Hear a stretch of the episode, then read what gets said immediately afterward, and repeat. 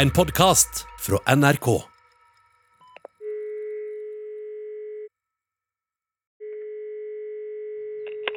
En det. Ja.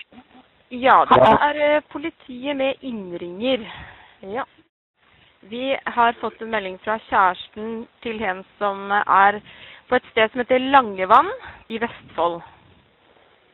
Jeg har ikke så mye mer. Han sier han sitter fast på en flytemyr, og han har 2% batteri på telefonen. Men i den SMS-en sto det noe om hvor lenge han hadde ligget i myra da? Nei, det sto bare at jeg kom meg ikke. Eller, altså, jeg tror du må ringe politiet, sto det bare at han ikke hadde batteri og ikke dekning. Så jeg vet ikke hvor lenge han hadde vært inne. Jeg ringte dere nesten med en gang. Jeg visste liksom ikke helt hvem som ringte. Jeg tipper han sendte den meldingen for 20 minutter siden. fall. Julie, mens vi snakker sammen nå, så har eh, HRS sendt Sea King, og vi har sendt politi, og brannvesenet har sendt eh, eh, overflatedykkere og brannbiler, og AMK har sendt ambulanse. Så nå jobbes det samtidig som vi snakker med deg. Så det er ikke sånn at vi okay. husker systemet mens du snakker med oss. Ok? OK, tusen takk. 20. april 2020 får Julie ei melding fra kjæresten sin Christian, som har dratt på fisketur alene. Jeg sitter fast på en flytemyr eh, et sted i Svarstad, eller Jeg tror du må ringe politiet. Og da fikk jeg et skikkelig støkk og tenkte at nå er det noe. Akkurat når jeg så situasjonen jeg var i, så gikk, da gikk det en liten støkk i meg, og så tenkte jeg ja, shit. Så skjønner jeg helt på tampen at jeg har jo GPS, jeg kan sende sånn lokasjon, sånn pin, da. Akkurat når jeg skal trykke på knappen, så dør telefonen, da. Jeg så vel for meg han sakte, men sikkert sive ned i denne myren, og at jeg etter hvert ble en uh, alenemor for to, to barn. Vi hadde et barn i magen òg.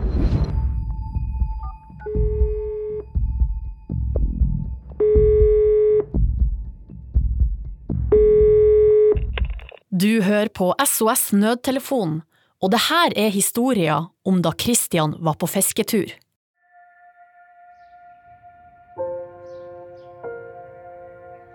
Det er seks år siden den 34 år gamle Christian begynte med fluefisking på fritida.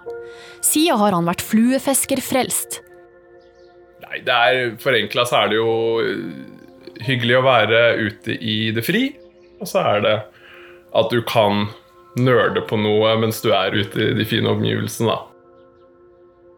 At du har et, et formål med å være der, og noe å fokusere på, noe å konsentrere deg om, og noe man vel kan bli Føle litt progresjon på, bli bedre og bedre.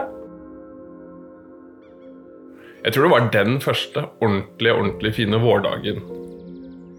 Det er ikke bare sånn litt nesten varmt, det begynner å bli ganske varmt.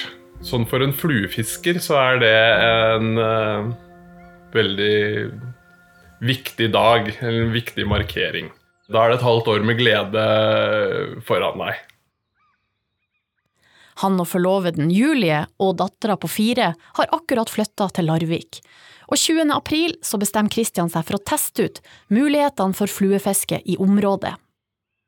Julie og Christian har begge hatt heimekontor denne mandagen, og mens Julie henter dattera deres i barnehagen, drar Christian ut i skogen.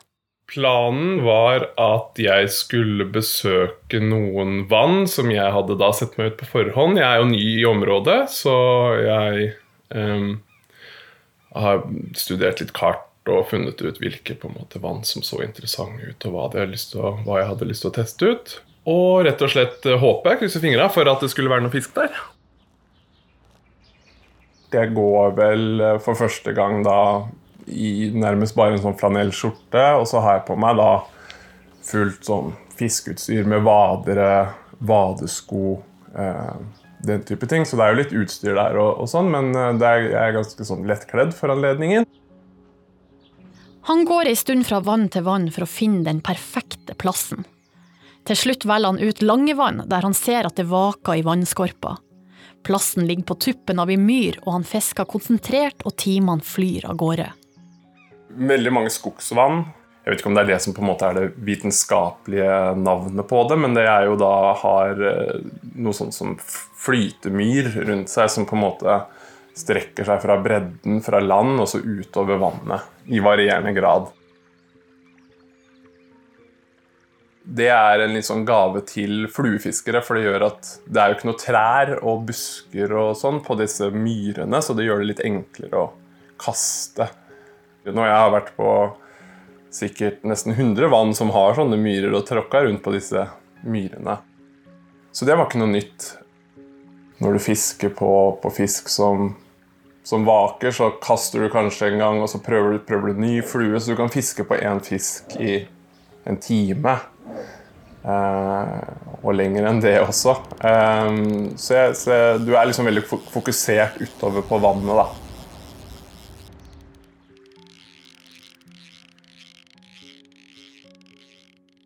Tida går, og hjemme i huset legger Julie dattera deres. Julie er gravid på dette tidspunktet og ser frem til en rolig kveld på sofaen. Jeg aner eh, fred og ingen fare der jeg ligger og ser på Love is blind. Eh, og tenker han, han, er jo ofte hjemme i kanskje nitiden, da. Eh, det begynte å bli mørkt, så det var mørkt. Jeg regnet med at han var på vei hjem. Christian har nå stått og fiska på tuppen av myra i rundt halvannen time. Sola har begynt å gå ned, og han kjenner at det begynner å bli kaldt. Han har aldri vært i området før og har ca. en time å gå tilbake til bilen. Så han bestemmer seg for å pakke sammen for dagen. Og da jeg da snur meg, for da tydeligvis første gang på en og en halv time, så ser jeg at jeg slettes ikke står på en liten sånn tupp av en myr, jeg står da på en liten øy. Det viser seg at myra Christian sto på var ei lita øy som hadde blitt pressa mot land, men som nå har løsna, og uten at Christian har merka det, har drevet et godt stykke fra land. Akkurat når jeg så situasjonen jeg var i, så gikk, da gikk det en liten støkk i meg, og så tenkte jeg ja, shit. Og blir jo litt sånn umiddelbart hvordan skal jeg komme meg inn igjen, da. Øya, som det viser seg å være, eh, er jo da si to ganger tre meter, eller noe i den duren den er jo på en måte solid nok til at jeg kan stå på den. Den føltes jo, altså Står jo på en måte med, med vann oppover leggene og sånn. Og det er jo ikke noe superbehagelig sted å oppholde seg. Så er det litt sånn passe klaustrofobisk stor, da. Der den uh, dupper der ute. Jeg lurer på liksom hvor lett den øya er, så jeg prøver på en måte å kaste lina over og se om jeg liksom kan sveive meg inn på den måten. Det, det er selvfølgelig helt sjanseløst. Um, og finner vel egentlig ganske fort ut at det er ikke noen måte jeg kan få den myra Jeg kan ikke padle den inn eller uh, et, Altså, jeg, jeg, får ikke den tilbake til land på egen hånd. Det, det får jeg ikke. Så det første som slår meg, er selvfølgelig at uh, jeg kan svømme. Si det er seks, syv, åtte meter til land. Jeg har jo vadeklær på meg, jeg har vadesko, så det må jo på en måte av. Eh, du synker jo rett til bunns hvis du hopper uti med det. Disse vadeskoene er på en måte, det er som fjellsko gange fem. De er jo så klumpete og ubrukelige, så du kan ikke svømme med de. Og så vet jeg jo i løpet av dagen eh, at jeg har eh, Jeg har litt sånn synkende batteri på telefonen. Det vet jeg, så, så, på en måte da blir neste steg i, i prosessen blir jo å, å, vurdere om jeg skal svømme, eller om jeg skal bruke da det siste batteriet, si det er 10-12 eh, til å kontakte noen, da. Da finner jeg vel ut at jeg, her, her er det nok smartest å be om hjelp. Mest ansvars fulle jeg kan gjøre nå, som, med, som far og med en ny en på vei. Da var Julie gravid, og i det hele tatt er å, er å be om hjelp, da. Christian vet at han har bare 10% igjen på mobilen og dårlig dekning. Han får ikke ringt, men han får sendt ei melding til Julie.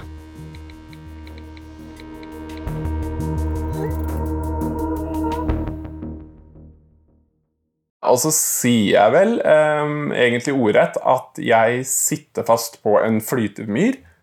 Jeg uh, kommer ikke inn. Jeg, jeg, poengterer vel at det ikke er farlig. Det er jo ikke noen dramatisk situasjon. Så, så, jeg har det jo helt fint. Det begynner bare å bli kaldt. Og at jeg trenger et tau. Altså, det er jo det jeg trenger. Jeg trenger et tau. Jeg trenger en på andre sida som kaster et tau til meg, og så kan vi på en måte ta litt sånn dragkamp. Så kommer jo den øya inn til land til slutt, da. Eh, og hun svarer litt sånn innimellom sånn Ja, er du seriøs? Herregud, hvem skal jeg ringe til? Og sånn. Og da skriver jeg Tror du, tror du bare ring, tror du må ringe politiet? Og så skriver jeg vel egentlig bare 'ring og hør'. Altså, Christian er jo ikke en mann Han er ikke så veldig dramatisk av seg. Så det er ikke så ofte han eh, At jeg tenker det skal mye til før han ber meg ringe politiet. Så jeg fikk egentlig umiddelbart en eh, skikkelig klump i magen og, og lurte veldig på hva dette var. Samtidig så har jeg litt respekt for disse nødetatene, så jeg tenkte meg selv, jeg var litt usikker på om det var riktig å ringe politiet da. Så prøvde å sjekke litt mer ut med han hva, hva, det, hva han egentlig sto i. Og så um, prøver jeg, prøver jeg å sende lokasjon på For jeg tenker av en eller annen grunn at hvis jeg ikke har dekning, så har jeg ikke sånn GPS. Men det stemmer jo ikke. Så skjønner jeg helt på tampen at jeg har jo GPS, jeg kan sende sånn lokasjon, sånn pin. da. Akkurat når jeg skal trykke på knappen, så dør telefonen, da. Så jeg ringte 02800 eh, og kom i kontakt med AMK-sentralen der. Da.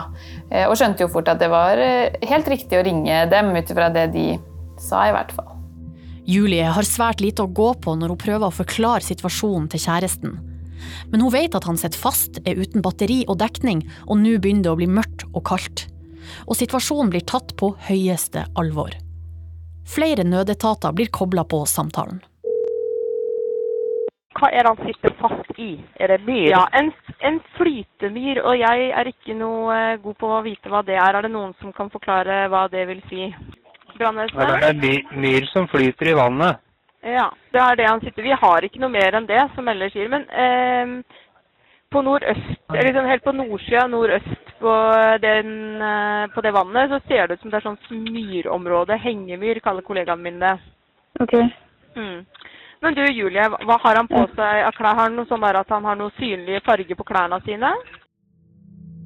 Altså Bekymringen som jeg opplevde i hvert fall at, at kom frem der, var jo at han også satt fast. Ikke, sant? Ikke bare at hadde flytt, flytt ut på en myr, men at han også satt fast. Da, og det kan jo være skummelt. Så det ble også bildet som etter hvert dukket opp i mitt hode, hvor han da Jeg så vel for meg han sakte, men sikkert sive ned i denne myren, og at jeg etter hvert ble en eh, alenemor for to, to barn. Vi hadde et barn i magen òg.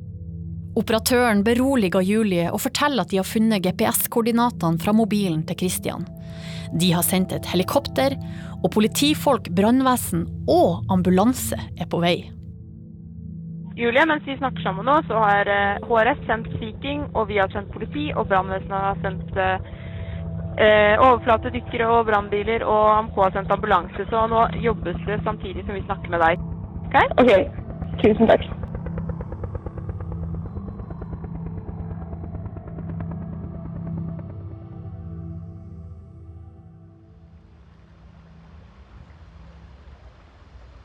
Klokka nærmer seg ni. Christian blir stående rett opp og ned på den lille øya, midt ute på vannet, midt inne i skogen og vente. Men etter en halvtimes tid ser han plutselig lommelykta i skogen. Og da roper jeg på de, eh, og det er to stykker som er ute og går tur med bikkjene sine. Får jeg ropt de til meg, eh, og de kommer jo da kommer eh, gående utover da den flytemyra som er kobla til bredden, og ja, da ringer han Julie. Så da hører jeg liksom sånn bruddstykker av samtalen på andre sida, og han er blid og munter og sier at han har funnet liksom Nei, jeg var i god behold, og ja, ja, ikke noe ikke, Han står her, han og er blid, og Ja, ja, ikke sant. ehm, ikke noe farlig her, og, og sånn. Og så da ble jeg veldig lettet. Altså, både litt flau over den samtalen jeg da nett, eller altså alt det som var stelt i stand. HRS sendt Sea King, og vi har sendt politi, og brannvesenet har sendt overflatedykkere og brannbiler, og Ampo har sendt ambulanse. Så nå jobbes det samtidig som vi snakker med deg.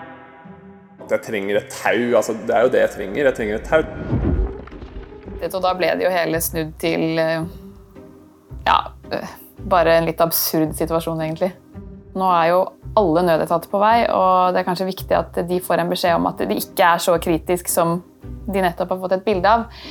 Og ble da enige med denne mannen om at han skulle ringe nødetatene nødetaten igjen, eller 02800, og fortelle at eh, han er her, vi trenger hjelp, men at det ikke er snakk om liv og død. da. Og så legger han på, så egentlig uten å si noe til meg etter det, så, så ringer han bare direkte til politiet.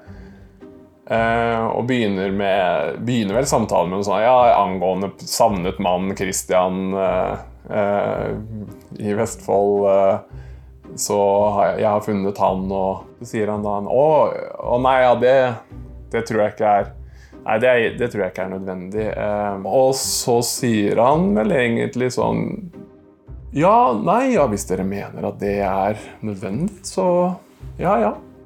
Og det var litt sånn, sånn Donald Duck-timing. Akkurat idet han sier det, så, så hører jeg faktisk begynnelsen da av eh, et helikopter langt eh, i det fjerne. Eh, men skjønner jo da vel ganske raskt at det er meg de kommer for å hente da. Um, og så snur vel han seg til meg og roper at nå, nå kommer hjelpa. Nå, jeg tror de har sendt Sea King eller noe sånt, tror jeg han sa. Og da synker vel mitt hjerte langt, langt, langt, langt, langt nede i magen. Ja, da blir jeg helt uh, paff der jeg står. Du føler deg ikke noe smart når du står ute på en myr, uh, ute på et vann midt i en skog, uh, gikk på kvelden og har liksom dumma deg ut og, og, og glidd ut der og ikke merka at du har liksom sklidd av gårde på et lite isflak. Uh, så jeg hadde jo egentlig lyst på minst mulig oppstyr rundt det. Etter ca. fem minutter treffer lyskasterne fra helikopteret han i ansiktet.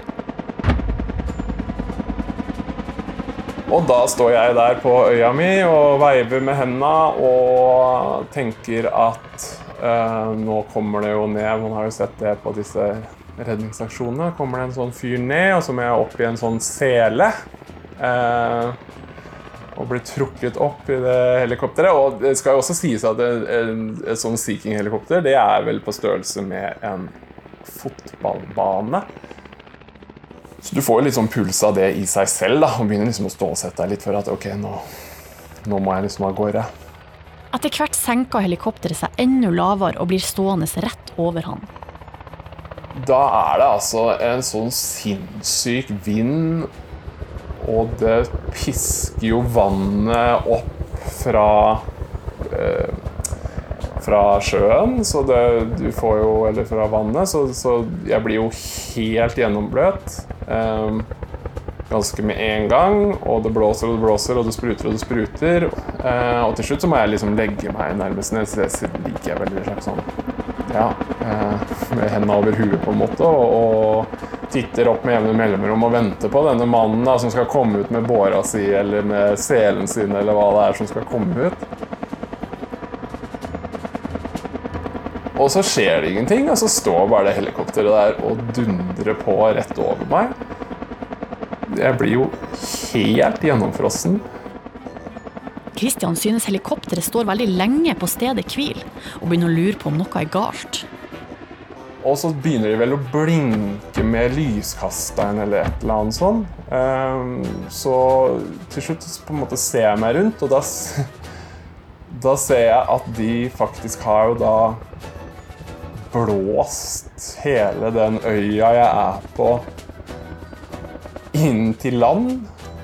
Eh, på andre sida av vannet så har de blåst meg eh, over vannet, rett og slett. Over det resterende vannet, og så inn på andre sida.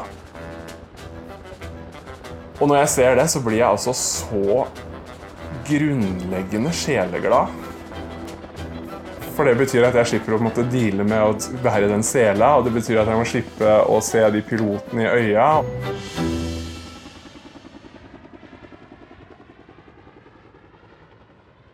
Det er veldig morsomt løst av det helikopteret, og, eller de pilotene. Og det er på en måte veldig nysgjerrig på, på en måte samtalen og situasjonsvurderinga de gjorde der oppe. Mitt navn er eh, Erland Karlsen. Jeg er fartøysjef på redningshelikopteret og er stasjonert på Rygge. Meldinga Erland og de andre i redningshelikopteret har fått, er at det er en mann som sitter fast i ei myr på Langevann. Så Det vi da bestemmer oss for, det er jo da å ta en helt normal eh, heising. Så vi rigger oss klar for det. Vi steller oss i posisjon, sånn som vi normalt gjør, og går gjennom alle sjekkene våre og gjør egentlig klar for å sende ut redningsmannen. Da. Men idet vi gjør oss klar, så ser vi det at vår rotovind Det var egentlig ganske en stille dag, så og lite fri vind, som gjør at vår rotovind vil peke ganske rett ned egentlig, og rett under helikopteret.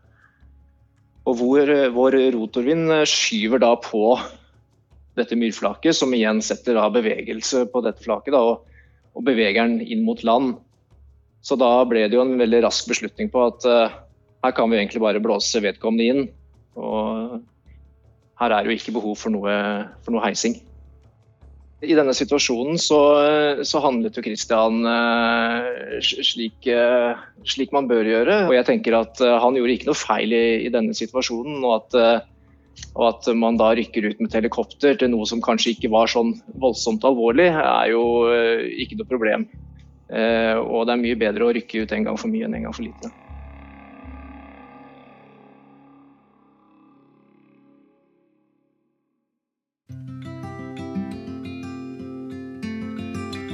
Klokka nærmer seg midnatt, og det er over tre timer siden Christian sendte melding til Julie om at han trengte et tau. Han kom kjørende inn Eh, i en eh, liten flanellskjorte og ganske så skitten. Eh, bar preg at han hadde vært gjennom, gjennom noe. Men litt flau var han når han kom inn døra, men vi var veldig glad for å se hverandre begge to. Fikk jeg en klem, og så fikk jeg vel dagen etter så fikk jeg en sånn batteri, bærbar batteripakke til telefonen, som jeg nå må love å ha med på ha med på hver tur, og vel litt sånn et uh, løfte til hverandre om at jeg skal bli bedre til å si ifra hvor jeg er. Da. Det, det morsomme er at jeg, jeg sier ofte i mine lange fortellinger om fluefiske til kjæresten min, så sier jeg ofte hvor jeg er, hvor jeg skal, men hun naturlig nok hører kanskje litt på det med et halvt øre. Så hun, eh, det er ikke sånn at når hun blir konfrontert med nøyaktig hvor jeg er, at hun husker det. Men nå pleier jeg i hvert fall å Nå har vi en sånn eh, regel om at jeg dropper en pinn eh, på det vannet jeg drar til, da, når jeg kommer frem. Julie og Kristian har laga seg gode rutiner, og Kristian fikk seg en god fluefiskesesong uten noe videre dramatikk. Fisketuren som endte i en storslått redningsaksjon, er ei historie som i ettertid blir fortalt i de fleste gode lag.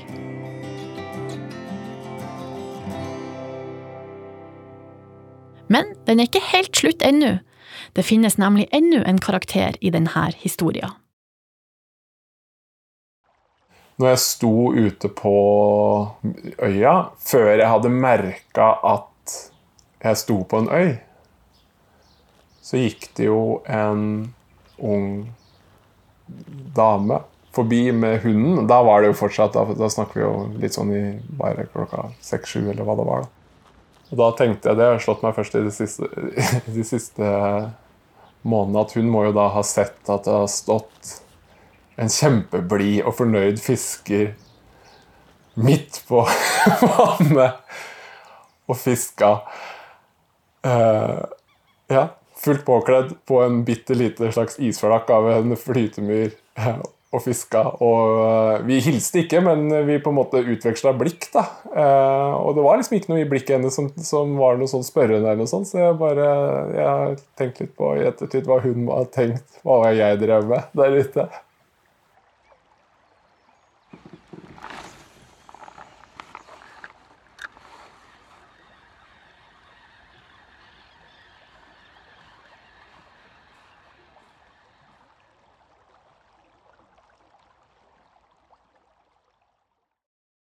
Denne podkasten er produsert av Anti for NRK, og den er laga av Mari Kvale, Sara Taslimi, Hege Gorder Nordli, Kent Kampesveen og meg, Silje Nordnes. Produsent i Anti er Elisabeth Stabel, og vår redaktør i NRK er Mirja Minjares. Du har hørt en podkast fra NRK. Du kan nå høre flere episoder av denne serien i appen NRK Radio.